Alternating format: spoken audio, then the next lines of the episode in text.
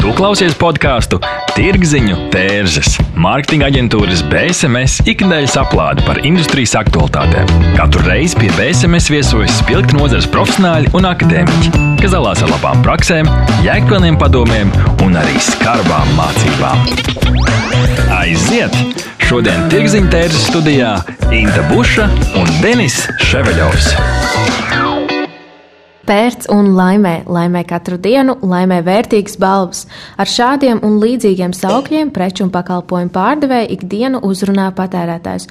Jāizpild kaut kāda nosacījuma, un tad tu vari kļūt par pretendentu uz laimestu. Loterija joprojām tiek uzskatīta par mārketinga instrumentu, kas palīdz piesaistīt vairāk pircējus un aktīvāk virzīt produktu tirgu. Taču Vai tā joprojām ir efektīva?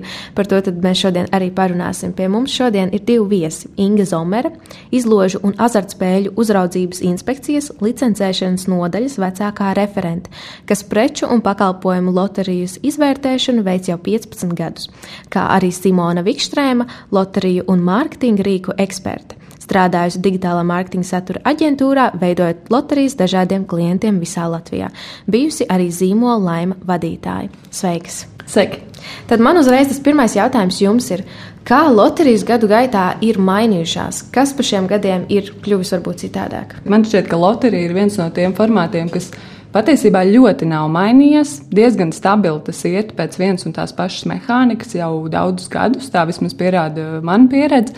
Un tieši tādēļ patērētājiem tas ir ļoti saprotams un vienkāršs, un tādēļ arī plaši izmantots. Protams, tas arī iedod to apliecinājumu, ka būs kaut kāds rezultāts nu, tieši klientiem, kuriem interesē pārdošanas aktivitātes un tam līdzīgas lietas. Tā kā man šķiet, ka daudz kas nav mainījies.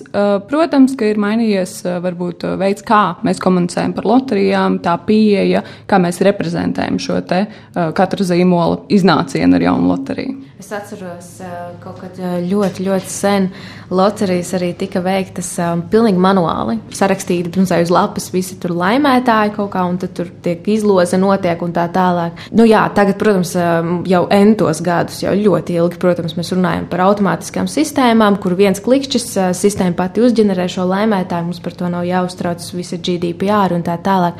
Inga, kas no tavas puses ir mainījies loteriju organizēšanā? Mainījies ir varbūt tas, kad loterijas organizēšanai vien vairāk uzticās, uzticē mārketinga kompānijām, jo loterijas ir tikai viens no rīkiem mārketingā, un līdz ar to, lai kampaņu sasniegtu loterijai vēlamo rezultātu, uztic profesionāļiem, kas ir vairāk tagad izplatīti. Sākumā bija tas, kad organizētāji, ražotāji, pakalpojumu sniedzēji paši uzņēmās šo iniciatīvu, bet uh, tagad to dara vairāk mārketinga kompānijas. Kāds ir tas iemesls? Vai tas ir eh, dēļ kaut kādiem efektīvākiem procesiem, um, tāpēc, ka aģentūra dara vēl 200 citas lietas, un tad loterija ir viens no rīkiem, kas ir tajā kopējā mārketinga stratēģijā, vai tur ir arī kaut kādi citi apsvērumi? Nu, es kā cilvēks, kas vairāk kārt ir gājis cauri šim procesam, varu teikt, ka tas, ko tu teici, ka tas ir efektīvāk, uzticēt to kādam citam, kurš tiešām nepalaidīs garām nevienu detaļu. Jo parasti tieši tā zīmola mārketinga komandās, un tas ir nu, viens no pēdējiem darbiem ikdienas eh, tajās gaitās, ko iesāk, bet ļoti, ļoti svarīgi, lai tas notiek laicīgi, lai tas notiek korekti. Mēs visi zinām noteikumus, tie ir publicēti, bet kādam to ir jāpaspēj izdarīt. Un tādēļ, protams, vieglāk ir paņemt aģentūru, kas eh, ar to nodarbojas daudzas reizes pēc kārtas. Viņi zina visas aktuālākās izmaiņas, zina, kā sazināties ar inspekciju, zina, kurus jautājumus uzdot, ja ir kaut kādas neskaidrības un tam līdzīgi. Es pēc savas pieredzes varu teikt, ka, protams, ērtāk ir paņemt kādu citu, kurš to dara. Bet man šķiet, ka laika gaitā tie noteikumi, kas ir izvirzīti, ir arvien draudzīgāk kļuvuši loteriju iesniedzējiem. Man vismaz tā šķiet, jo es atceros pirmo reizi, kad es veidoju loteriju, tas bija tāds lielais būvs, tur nopietni noteikumi, nedrīkst sajaukt datumus. Tie datumi tur ļoti interesantā kārtībā tiek veidot. Un tagad kaut kā, nu, varbūt tas nezinu, tā ir pieredze vai kas cits, bet skatoties uz to visu iesniedzamo kārtību, tas liekas ļoti loģiski. Bet nu, tāpat laiku visiem patīk ietaupīt un labāk to uzticēt kādam, kurš mazāk kļūdīsies. Jā, ar Norstedā mēs noskaidrojām, ka 71% cilvēku patīk, vai drīzāk patīk, ka uzņēmumi organizē loterijas. 15% saka, ka viņiem ir pa lielam vienalga, 8% saka, ka viņiem nepatīk, vai drīzāk nepatīk, ka uzņēmumi organizē loterijas. Vai mēs varam uzskatīt, ka loterijas ir veiksmīgs mārketinga rīks vispār? Manuprāt, jā, jo tas dod pircējiem kā, papildus bonusu. Savukārt ar loteriju uzņēmējiem viņi popularizē savu preci, iepazīstina ar savu preci, jo tādā veidā viņi tā var reklamēt savu piedāvāto produktu, par ko varbūt arī kā, nezina, kas ir jauns produkts. Tādā veidā viņi kā, piesaista klientus. Kādi ir varbūt tie veiksmes, neveiksmes piemēri loterijām, vai ir kaut kādi? Um, teiksim, tiešām arī konkrēti loteriju piemēri no inspekcijas puses, kur jūs teikšu, ka šis nav veiksmīgi organizēta loterija? Jā, protams, jo, jo liekam, ritot, loterijas paliek arvien interesantākas, radošākas.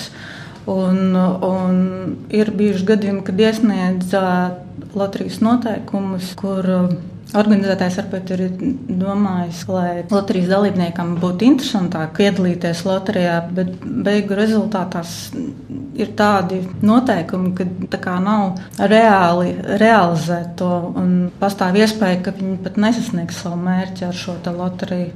Es domāju, tā ir sarežģīta mehānika, lai piedalītos. Sarežģīta mehānika, kā arī balvas ļoti, ļoti daudz, daudz pildspalvas, nu, pieņemsim, ieliktas. Un, uh, loterija dalībniekam jau nebūs interesanti piedalīties loterijā, diez vai pildspalva būs tas, kas piesaistīs. Jā, mēs jautājām, cik reizi pēdējā pusgada laikā jūs esat piedalījies vai piedalījusies kādā loterijā.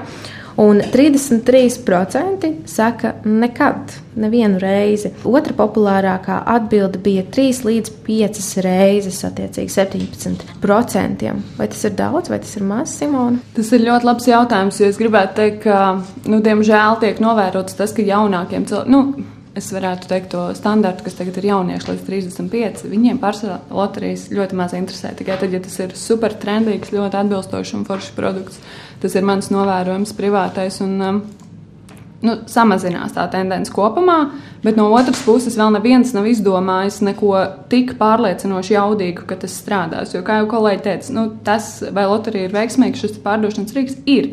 Tad, ja cena veikalā tajā brīdī ir laba tam produktam, tad, ja ir izvietojumi, kas piesaista uzmanību, un cilvēks pamana, ka ir notiek loterija, un nopērkot tieši šo preci, var aiziet mājās, pieregistrēt to čeku Un, nu, tas viss ir ļoti vērtīgi, tad, ja tas ir tādā apkopojumā.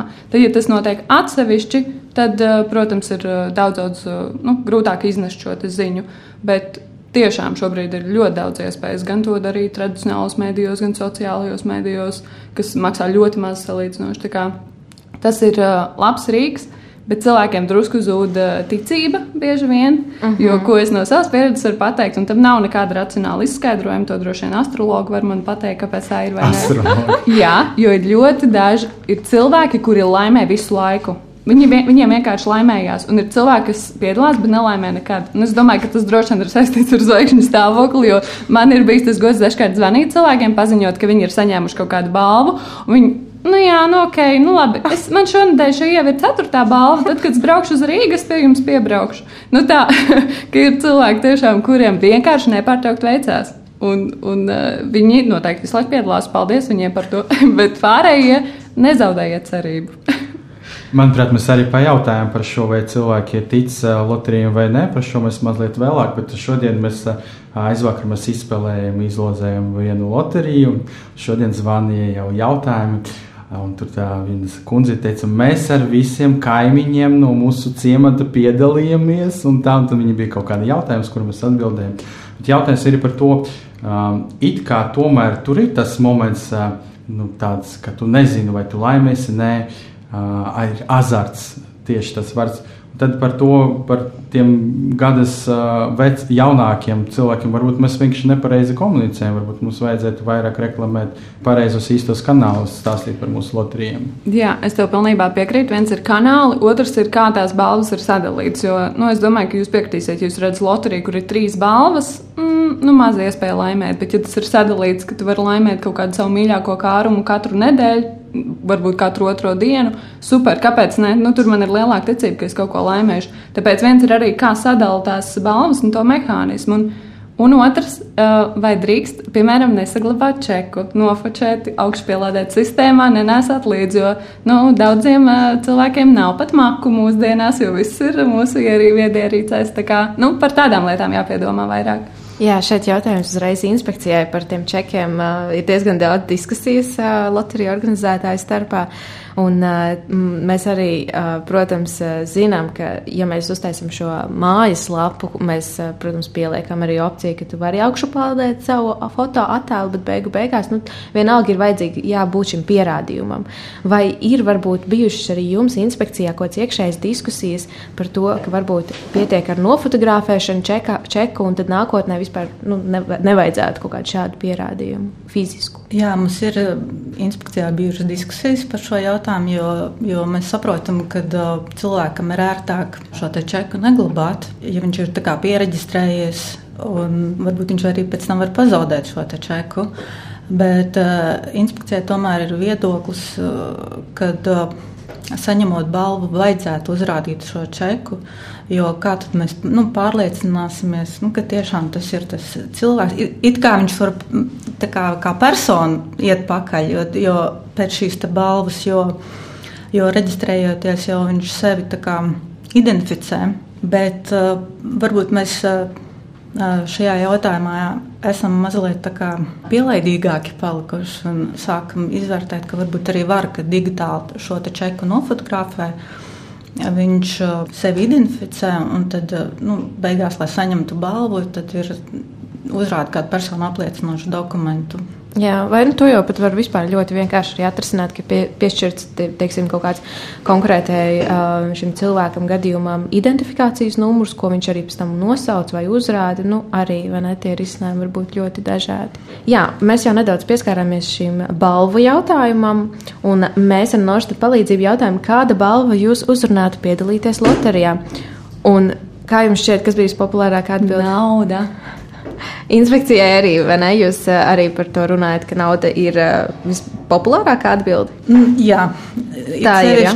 Šajā, nu, šajā situācijā, kad ir eh, balvās tiek izteikti piedāvātas bal naudas balvas, jo ņemot vērā, kāda ir situācija kā pasaulē, un bieži vien nevar kā, piedāvāt vairs tā ceļojumus un nezinu, kas tālāk notiksies. Tad izteikti ir naudas laikā. Jā, tā arī bija. Tātad 78% teica, ka viņi gribētu naudas balvu, 44% automašīnu un 26% dāvanu kartes. Un tad, attiecīgi, ir arī citas izvēles. Bet, Simona, naudas balva, tas neatspoguļo zīmolu. Kā ar to strādāt? Vai tas ir svarīgi organizējot loteriju, atspoguļot zīmolu un zīmolu vērtības, vai arī varbūt tas nav svarīgi un vis, visās loterijās varētu vienkārši būt naudas balva, jo tas ir tas, ko cilvēki grib. Jā, es neesmu satikusi nevienu zīmola vadītāju, kurš man teiktu, Simona, ejam tikai ar naudu. Protams, ka visi zina, ka tā ir gadiem populārākā lieta. Kādreiz bija top 3 um, kā, mm, nauda, ceļojums gadgeti. Nu, atkarīgs no tā, kas tajā laikā ir trendīgs. Droši vien tagad tie būtu šie skūteri, kas eh, brauc pa ielām ļoti lielā ātrumā. Bet, eh, jā, tad, eh, protams, ka tas ir ļoti būtiski, lai būtu kaut kāds zīmola atspoguļojums. Visbiežāk nu, tā izaugrīt tā, ka lielā balva ir nauda, un tad mazajās balvās parāda to personību, to, par ko ir šis stāsts. Um, nu, tad, ja tas ir piemēram kaut kāds uzņēmums, kas saistīts ar pārtiks ražošanu, tad, piemēram, mazās balvas bieži mēdz būt grozi ar šiem labumiem, ko, starp citu, cilvēki ir ļoti, ļoti priecīgi arī saņemt. Tā vērtība jau parasti ir nu, 25 eiro vērtībā, piemēram. Un tas ir ļoti ok un tāds pietiekami bagātīgs tāds uh, cienests sanāk. Bet, protams, tas ir ļoti, ļoti būtiski un vienmēr visi par to domā, kā sasaistīt šīs zīmola vērtības ar tām balvām.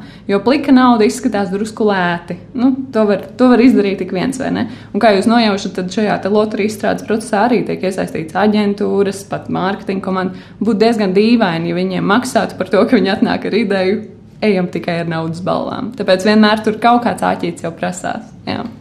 Jā, tas ir labs jautājums. Mums arī ir dati, un mēs sadalāmies pēc vecumiem. Es redzu, ka dāvanu kārta gribētu saņemt katrs ceturtais, ja 26%, bet visvairāk tādu cilvēku trešdaļa ir vecuma grupa no 60 līdz 74 gadiem.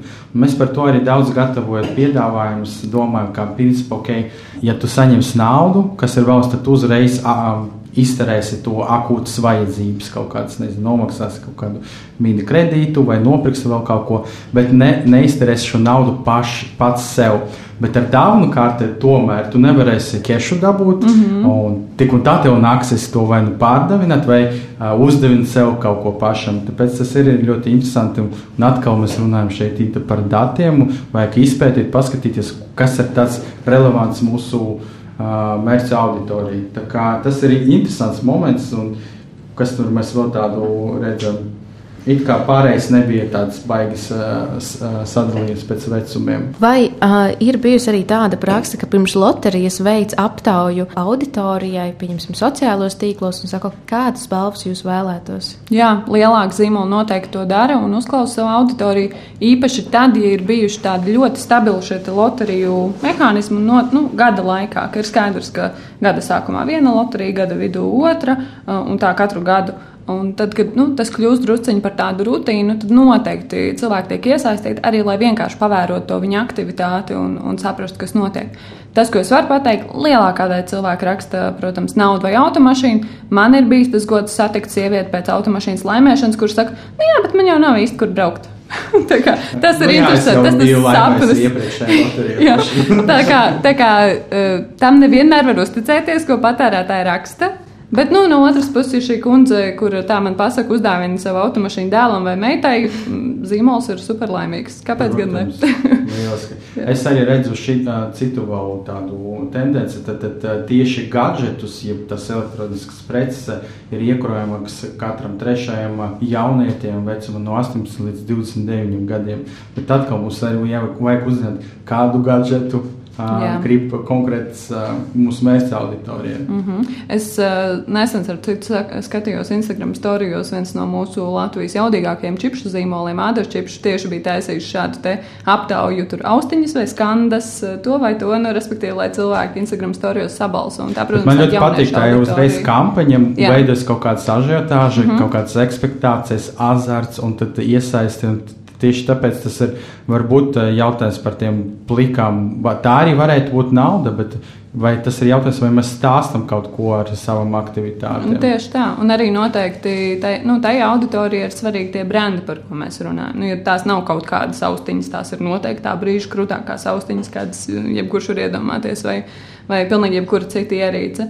Tā kā, nu, tas arī veido tādu imidžu par zīmolu, ko tas piedāvā savam patērētājam, vai tas dod uh, Android vai iOS. Nu, tur ir uzreiz cita, cita sajūta. Runājot par čipsiem, tagad arī, vai es nezinu, kad mēs būs uh, ēters šim raidījumam, bet kad mēs ierakstam, notiek lejas tāda aktivitāte, kur var laimēt koncertu ar mhm. vietējiem lielām zvaigznēm. Ļoti interesanti cik tas, uh, tur būs cilvēki, kuri ir pieteikušies. Neviens mums neatklās šo informāciju, diemžēl, bet varam pamērīt kaut veidā. Bet pamanīta, piekrīt tev. Mēs arī pamanījām ar uh, draugiem, kolēģiem uh, šo te piedāvājumu. Tas ir kaut kas tāds oriģinālāks, un, protams, pēc šīs mājās sēdēšanas, nu, kaut kas atšķirīgs. Bet, nu, jā, gribētu zināt, kā viņiem veicas. Bet tad var ar loteriju nosist vairākus zaķus, tad pa lielām lejas ir, protams, ir starptautisks zīmols, diezgan bezpersonīgs, un šeit viņi tur samanta tīna veikalos izgriezta liela kartona. Tā, tā kā varbūt tiešām vajadzētu domāt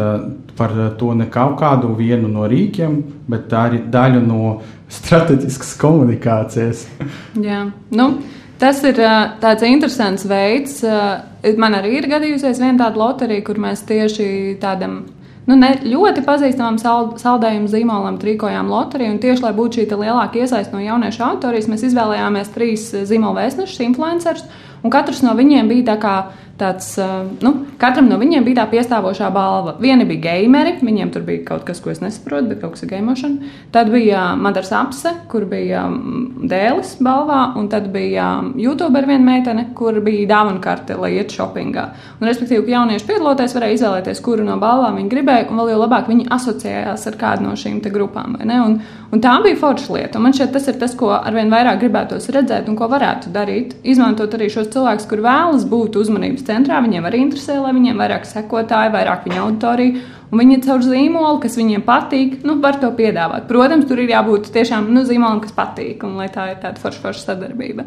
Jā, man liekas, šis ir tāds labs piemērs, kad uh, loterija nav uh, pats par sevi rīks, bet viņš tiek integrēts kopējā stratēģijā. Un tad šīs sadarbības ar uh, vēstešiem, ar influenceriem, viņas ir paplašinātas un tad arī skar to in, uh, loteriju jautājumu. Jā. Jā, tā kā tas ir uzreiz interesantāk. Un patiesībā interesantāk arī pašiem rīkotājiem pēc tam skatīties, nu, kurš tad uh, saņēma vairāk balsis. Bet cepuri nost visiem zīmolu vadītājiem, kuri atļaujas eksperimentu mēģināt šo, jo principā Citi, ja mēs redzam naudas baudu, tad uzreiz tā, ah, mums tur ir 15 gadi kaut kādi piezīmes. Mēs redzam, ka būs piedalīsies nezinu, 3000 vai 5000 dalībnieku, un tad viss return of investment ir sareicināts. Bet uzreiz ar to mēs nogalinām citu daļu, vēstījumu, stāstīšanu un pozicionējumu. Tieši tā. Nu, es gribētu likt roku sirds un teikt, ka Latvijā ir daudz drosmīgu zīmola vadītāju, kur ir gatavi iet pretī tam stāstam, par ko tu runā, un mēģināt. Nu, arvien vairāk tie foršie piemēri parādās. Tā kā,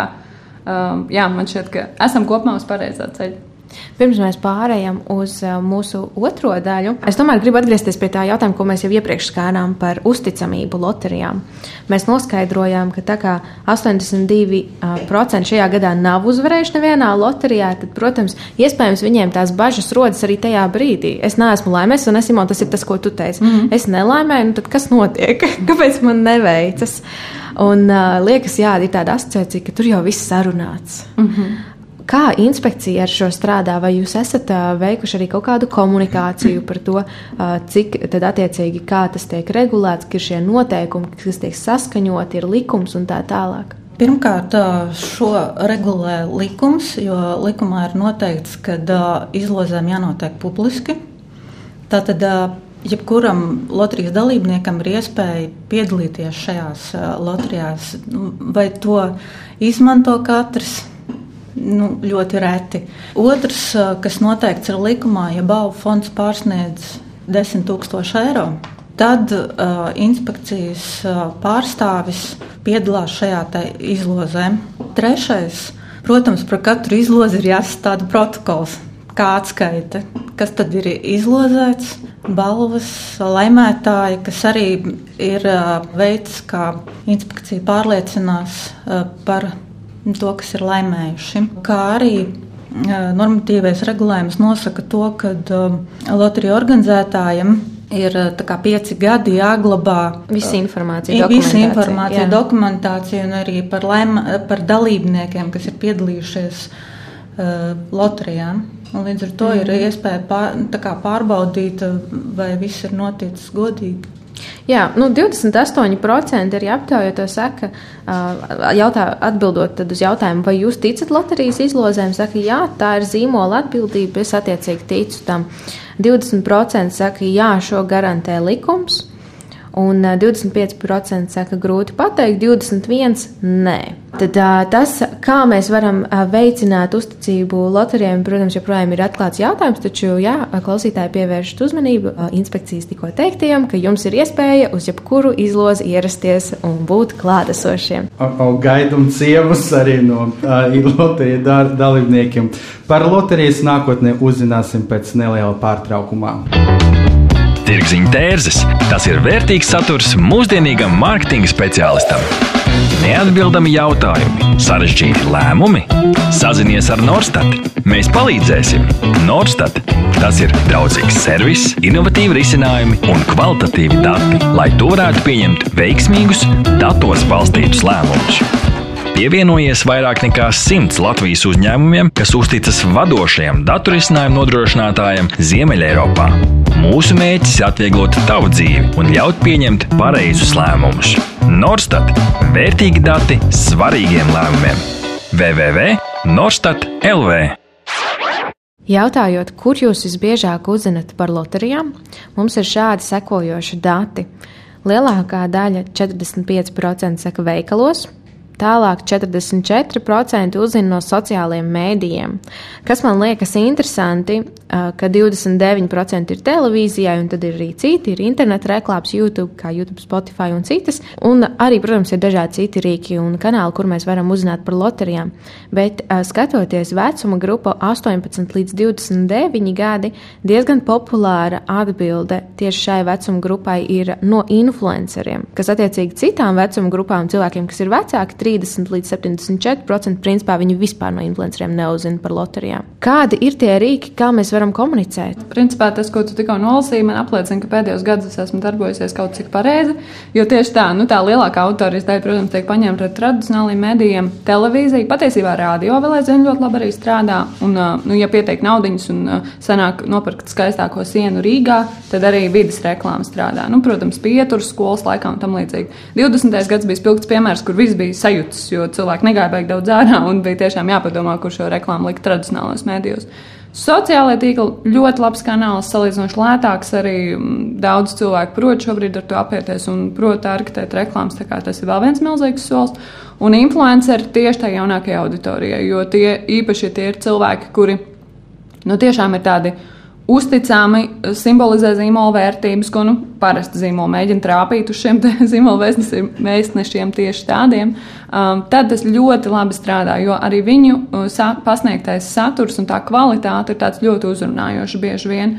Uh, tas, protams, ir diezgan sarežģīti izdarāms, uh, tad, ja nu, zīmolam ir savas stingras prasības, kā ir jāizskatās materiālam, bet visādi citādi zīmolu, marka, zīmolu vēstnešu mārketings ļoti labi strādā loterijās un uzrunā. Tas, kur, protams, Latvijā varētu būt neliels tāds step-ups, ir um, tas, kā tas tiek darīts. Jo nu, es domāju, ka ik viens ir redzējis šos materiālus, kurus zīmola vēstnesis atver savu Instagram storiju un taisa vaļā kārtējo kastīti, un tas nav pārāk interesanti. Um, man ir daži šādi cilvēki, kam pienāk šīs kastītes ļoti labi pazīstams, un ir ļoti smieklīgi, ka nu, ļoti daudzos gadījumos pat vārds ir sajaukts. Jo skaidrs, ka visiem vienāds kastītes, un, un Ilza saņem Andra kastīti pēkšņi. Bet skatoties Cik uz tādiem. briesmīgi. Jā, vai ne? Un tas ir tāds, oh, tu tā kā, kā jūties īpaši, bet tāpat laikā nu, ļoti neīpaši. Uh, un tas, ko var paskatīties un pašpikot jau no tādiem globālākiem zīmoliem un ārzemju medijiem, ka tur um, zīmola izpēta un zina.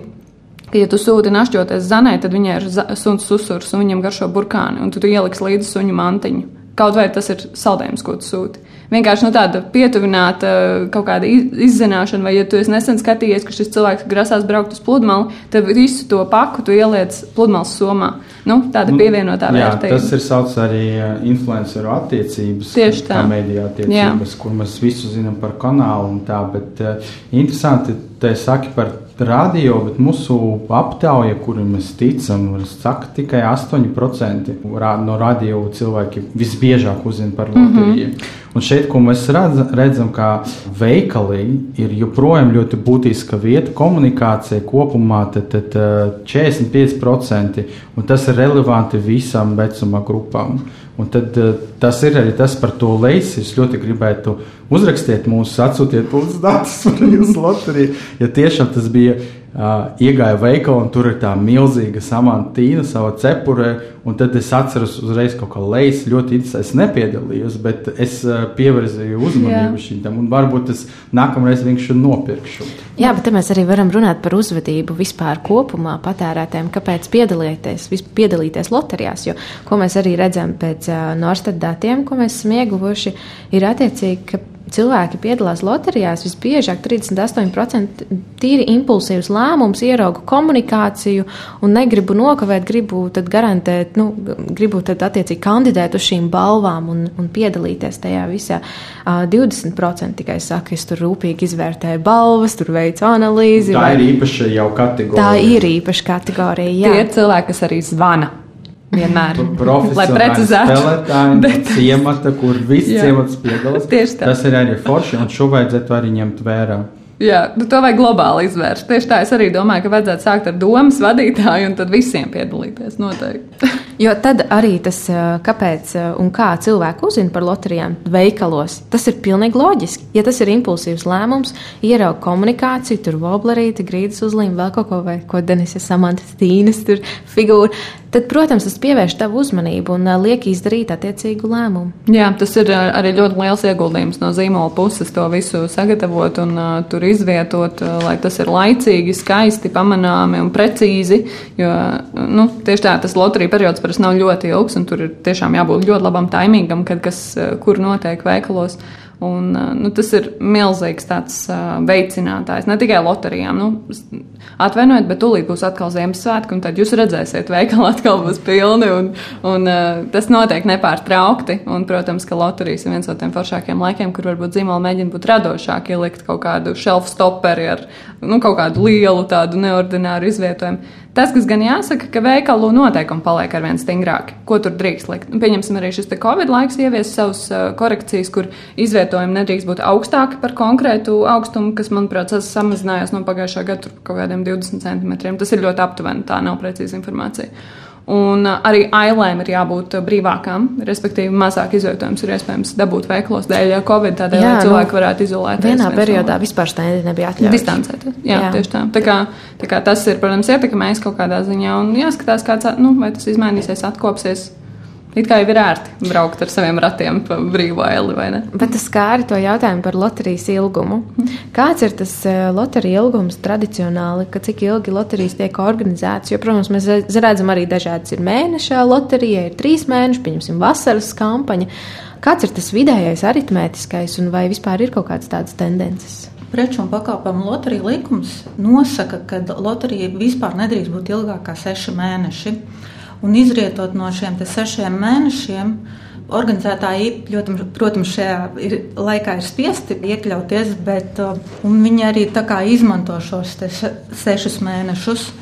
Bet to, to ir grūti pateikt, jo tas ir atkarīgs no tā, kad, cik daudz balvas tiek piedāvātas. Līdz ar to, ja ir vairāk balvas, tad ir vairāk izlozes, un šis periods var būt ilgāks. Otrs sezonas loterijas, kur ja piedāvā konkrētai sezonai, piemēram, vasarā saldējumu, tad, protams, viņš ir garāks. To tā grūti pateikt. Ir. Tā kā nav nekādu būtisku atšķirību, tas ir ļoti individuāli katram. Tas ir individuāli. Mm -hmm. Kas vispār ir svarīgi, ko ņemt vērā, lai loterija izdotos? Kādi ir tie galvenie? teiksim, rakstura lielumi, ko noteikti organizatoriem vajadzētu ņemt eh, vērā, tad, lai loterija pirmkārt. Protams, mēs šeit runājam arī par likumu ievērošanu un atbilstību visām inspekcijas prasībām, bet kas ir vēl varbūt eh, tāds ekstra, ko noteikti vajadzētu darīt? Man ļoti patīk, tas ir špikots piemērs, bet manuprāt, tas nāk no Amerikas Savienoto Valstu militārās pasaules, kur viņiem par dizainu tas tika teikts, ir tāds kiss princips. Es nezinu, vai jūs esat dzirdējuši, tas saucās Keep it stupid simple. Un, nu, tas ir saistīts ar vizuālo uztveri. Un viens no tiem man tiešām šķiet, nu, tas ir ļoti atbilstoši loterijai. Tai ir jābūt super vienkāršai. Visiem ir jāsaprot, kas tur notiek. Un tāpēc arī kolēģi teica par tiem sarežģītiem mehānismiem. Liela daļa cilvēku nesapratīs, un tad viņi jums zvanīs. tas patērē ļoti ilgu laiku. Tam ir jābūt super saprotamam ļoti lielai cilvēku masai, lielākajai masai. Tāpēc ir, nu, tas ir, man liekas, numur viens solis, ka nevajag pārāk gudri iziet šajā jautājumā. Mehānika ir jābūt super saprotamai. Bet atkal no otras puses, jā, šeit mēs runājam par kaut kādiem standarta saukļiem, tur laimē katru dienu pērc un laimē un tā tālāk. Tas ir ok, no vienas puses mēs taisām ļoti organizējam ļoti vienkāršu loteriju ar vienkāršu mehānismu, standartā cilvēkiem nebūs jautājumu, jo viņi zinās. Bet no otras puses ir tas radošums. Un kurā brīdī tas ir? Jo arī tas ir svarīgi un ir zīmoli, kuriem tas ir kritiski svarīgi. Viņi Jā. ir atšķirīgi, viņi ir unikāli un tā loterija ir tikai rīks no kopējās stratēģijas. Nu, viens, es noteikti teiktu, ka tā ir tā, tas komunikācijas krāšņums, kas nekur nepazūd un ir jānotur visu to loterijas laiku. Nu, tas ir viens, kad reku, mēs runājam par čipšu piemēru, kas ļoti skaisti izskatās, un, vai, vai vienalga jebkura cita zīmola piemēra, kur var redzēt, ka zīmols spēj noturēt šo uzmanību gan vizuāli, gan izmantojot pilnvērtīgi visus materiālus, kas ir radīti šai kampaņai, dažādos, nu, visos kanālos, kur tas šobrīd ir aktuāli un iespējams. Un, protams, nu, es tiešām esmu fans tam, ka cilvēkiem ir iespēja izvēlēties, kādu balvu viņi grib.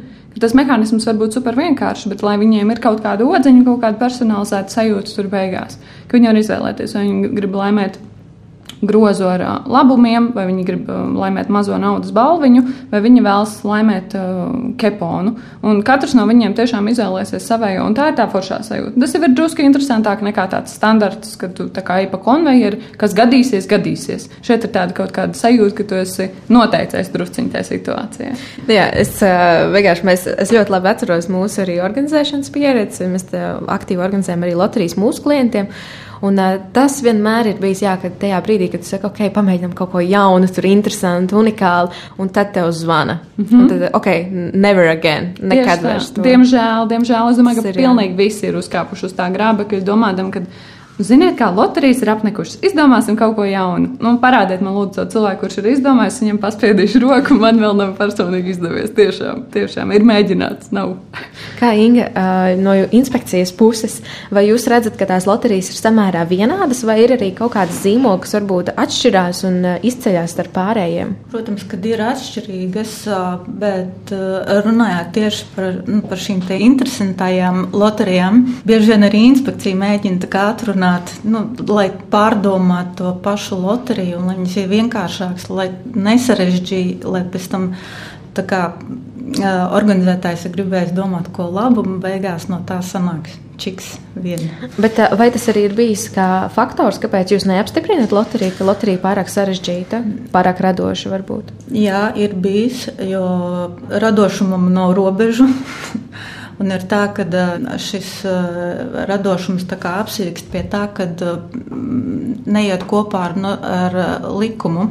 Nu, likums tā kā neļauj šādu loteriju organizēt. Tas nav tieši atrunāts, ka nu, tieši tādu loteriju nedrīkst organizēt. A kāds varētu būt tas piemērs? Ir atmiņā kaut kāds tiešām reāls case studijas, no kā vajadzētu izvairīties?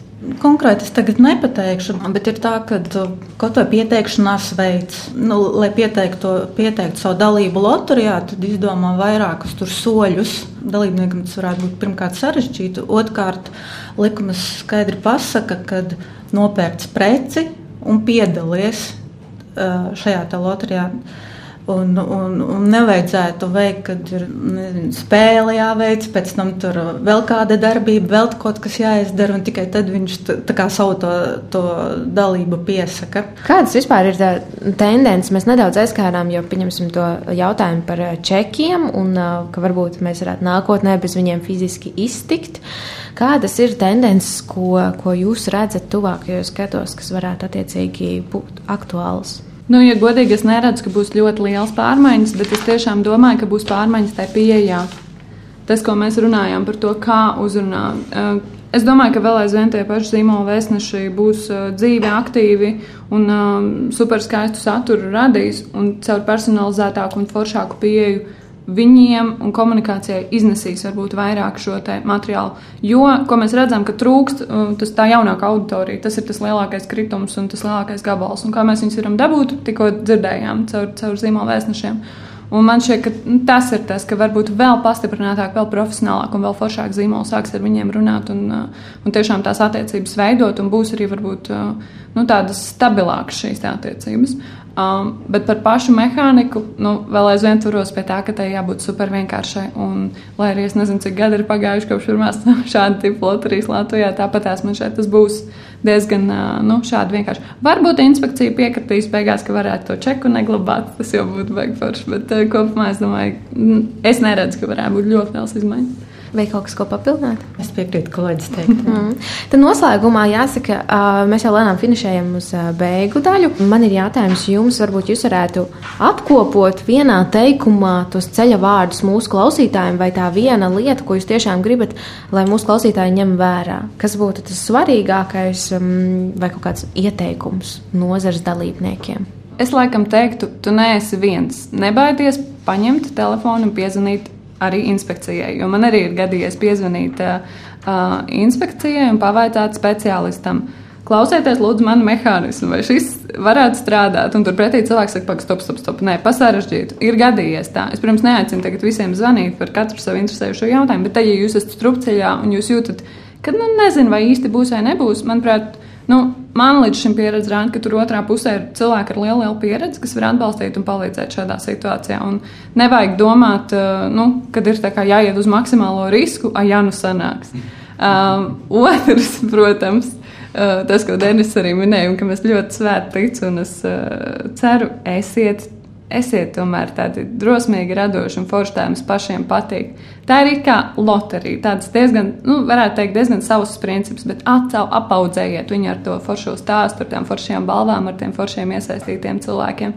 Jo cilvēkiem tas paliek atmiņā, un Tas man bija liels pārsteigums, bet strādājot ar vairākiem lieliem zīmoliem un pasniedzot balvu, man eh, šī balva saņēmēja teica, jā, es jau gaidu, jums jau rudenī atkal būs loterija. Un es kaut kā nekad nebiju piedomājis, ka cilvēki tiešām tam ciklam seko līdzi saviem mīļākajiem zīmoliem, ka viņi zina, ka gada sākumā būs, rudenī būs. Un, tā kā uz jums skatās, nepieviliet tos savējos, jo viņi, viņi gaida un, eh, un, jā, un dodiet, dodiet kaut, ko, kaut ko tādu, kas jums pašiem patīk. Es no savas puses varētu ieteikt loteriju organizētājiem pirms jūs izšķirieties par soli organizēt loteriju, pārdomāt šo loterijas koncepciju, kā arī saulaicīgi to darīt. Jo, jo pieredze rāda, ka vienmēr vajag tagad un tūlīt, un tad un visiem vajag tagad Jā. un tūlīt. Un tad ir tā, ka nevienmēr mēs varam Tieši tā. Starp citu, tas ir ļoti labs punkts, ko es nepateicu, un tas man amatbrāļiem būtu jāpasaka. Pātrinātās kārtības noteikumu izskatīšana. Tas ir tas, ar ko jums jārēķinās. Nu, vienkārši pieglabājiet savā budžetā šo naudu. Jo tas nozīmē, ka nu, normālā kārtībā tiek izskatīts drusku ilgāku laiku jūsu pieteikums, loterijas noteikumi. Un šī pātrinātā kārtība, kas nemaksā daudz, uh, Uh, nu, saīsim to laiku. Laika nevienam nav. Tā kā vienmēr aicinu izskatīt šo liekas, mārketinga aģentūrām visas loterijas ir pārāk. Nu, tā kā tie, kas pirmo reizi varbūt to taisa pat neiedomājās, vai tas liekas kaut kas tāds aizliegtais auglis, tad es vēlos visus nomierināt. Es domāju, ka pilnīgi visi šobrīd izmanto šo pakalpojumu. Uz šīs noskaņas mēs arī noslēdzam 21. epizodi par loteriju tendencēm. Ar mums šodien kopā bija Simona Vikstrēma, loteriju un mārketinga rīku eksperta, kur strādājusi digitālā satura aģentūrā, veidojot loterijas dažādiem klientiem klientiem Latvijā, kā arī bijusi zīmola laima vadītāja, kā arī Inga Zomere, izložu un azartspēļu uzraudzības inspekcijas licencēšanas nodaļas vecākā referente, kas preču un pakalpojumu loteriju izvērtēšanu veic jau 15 gadus. Paldies! Paldies, ka klausījāties BSMS podkāstu Tirziņu tērzes. Aplādi ar labām praktiskām, jēgpilniem padomiem un skarbām mācībām.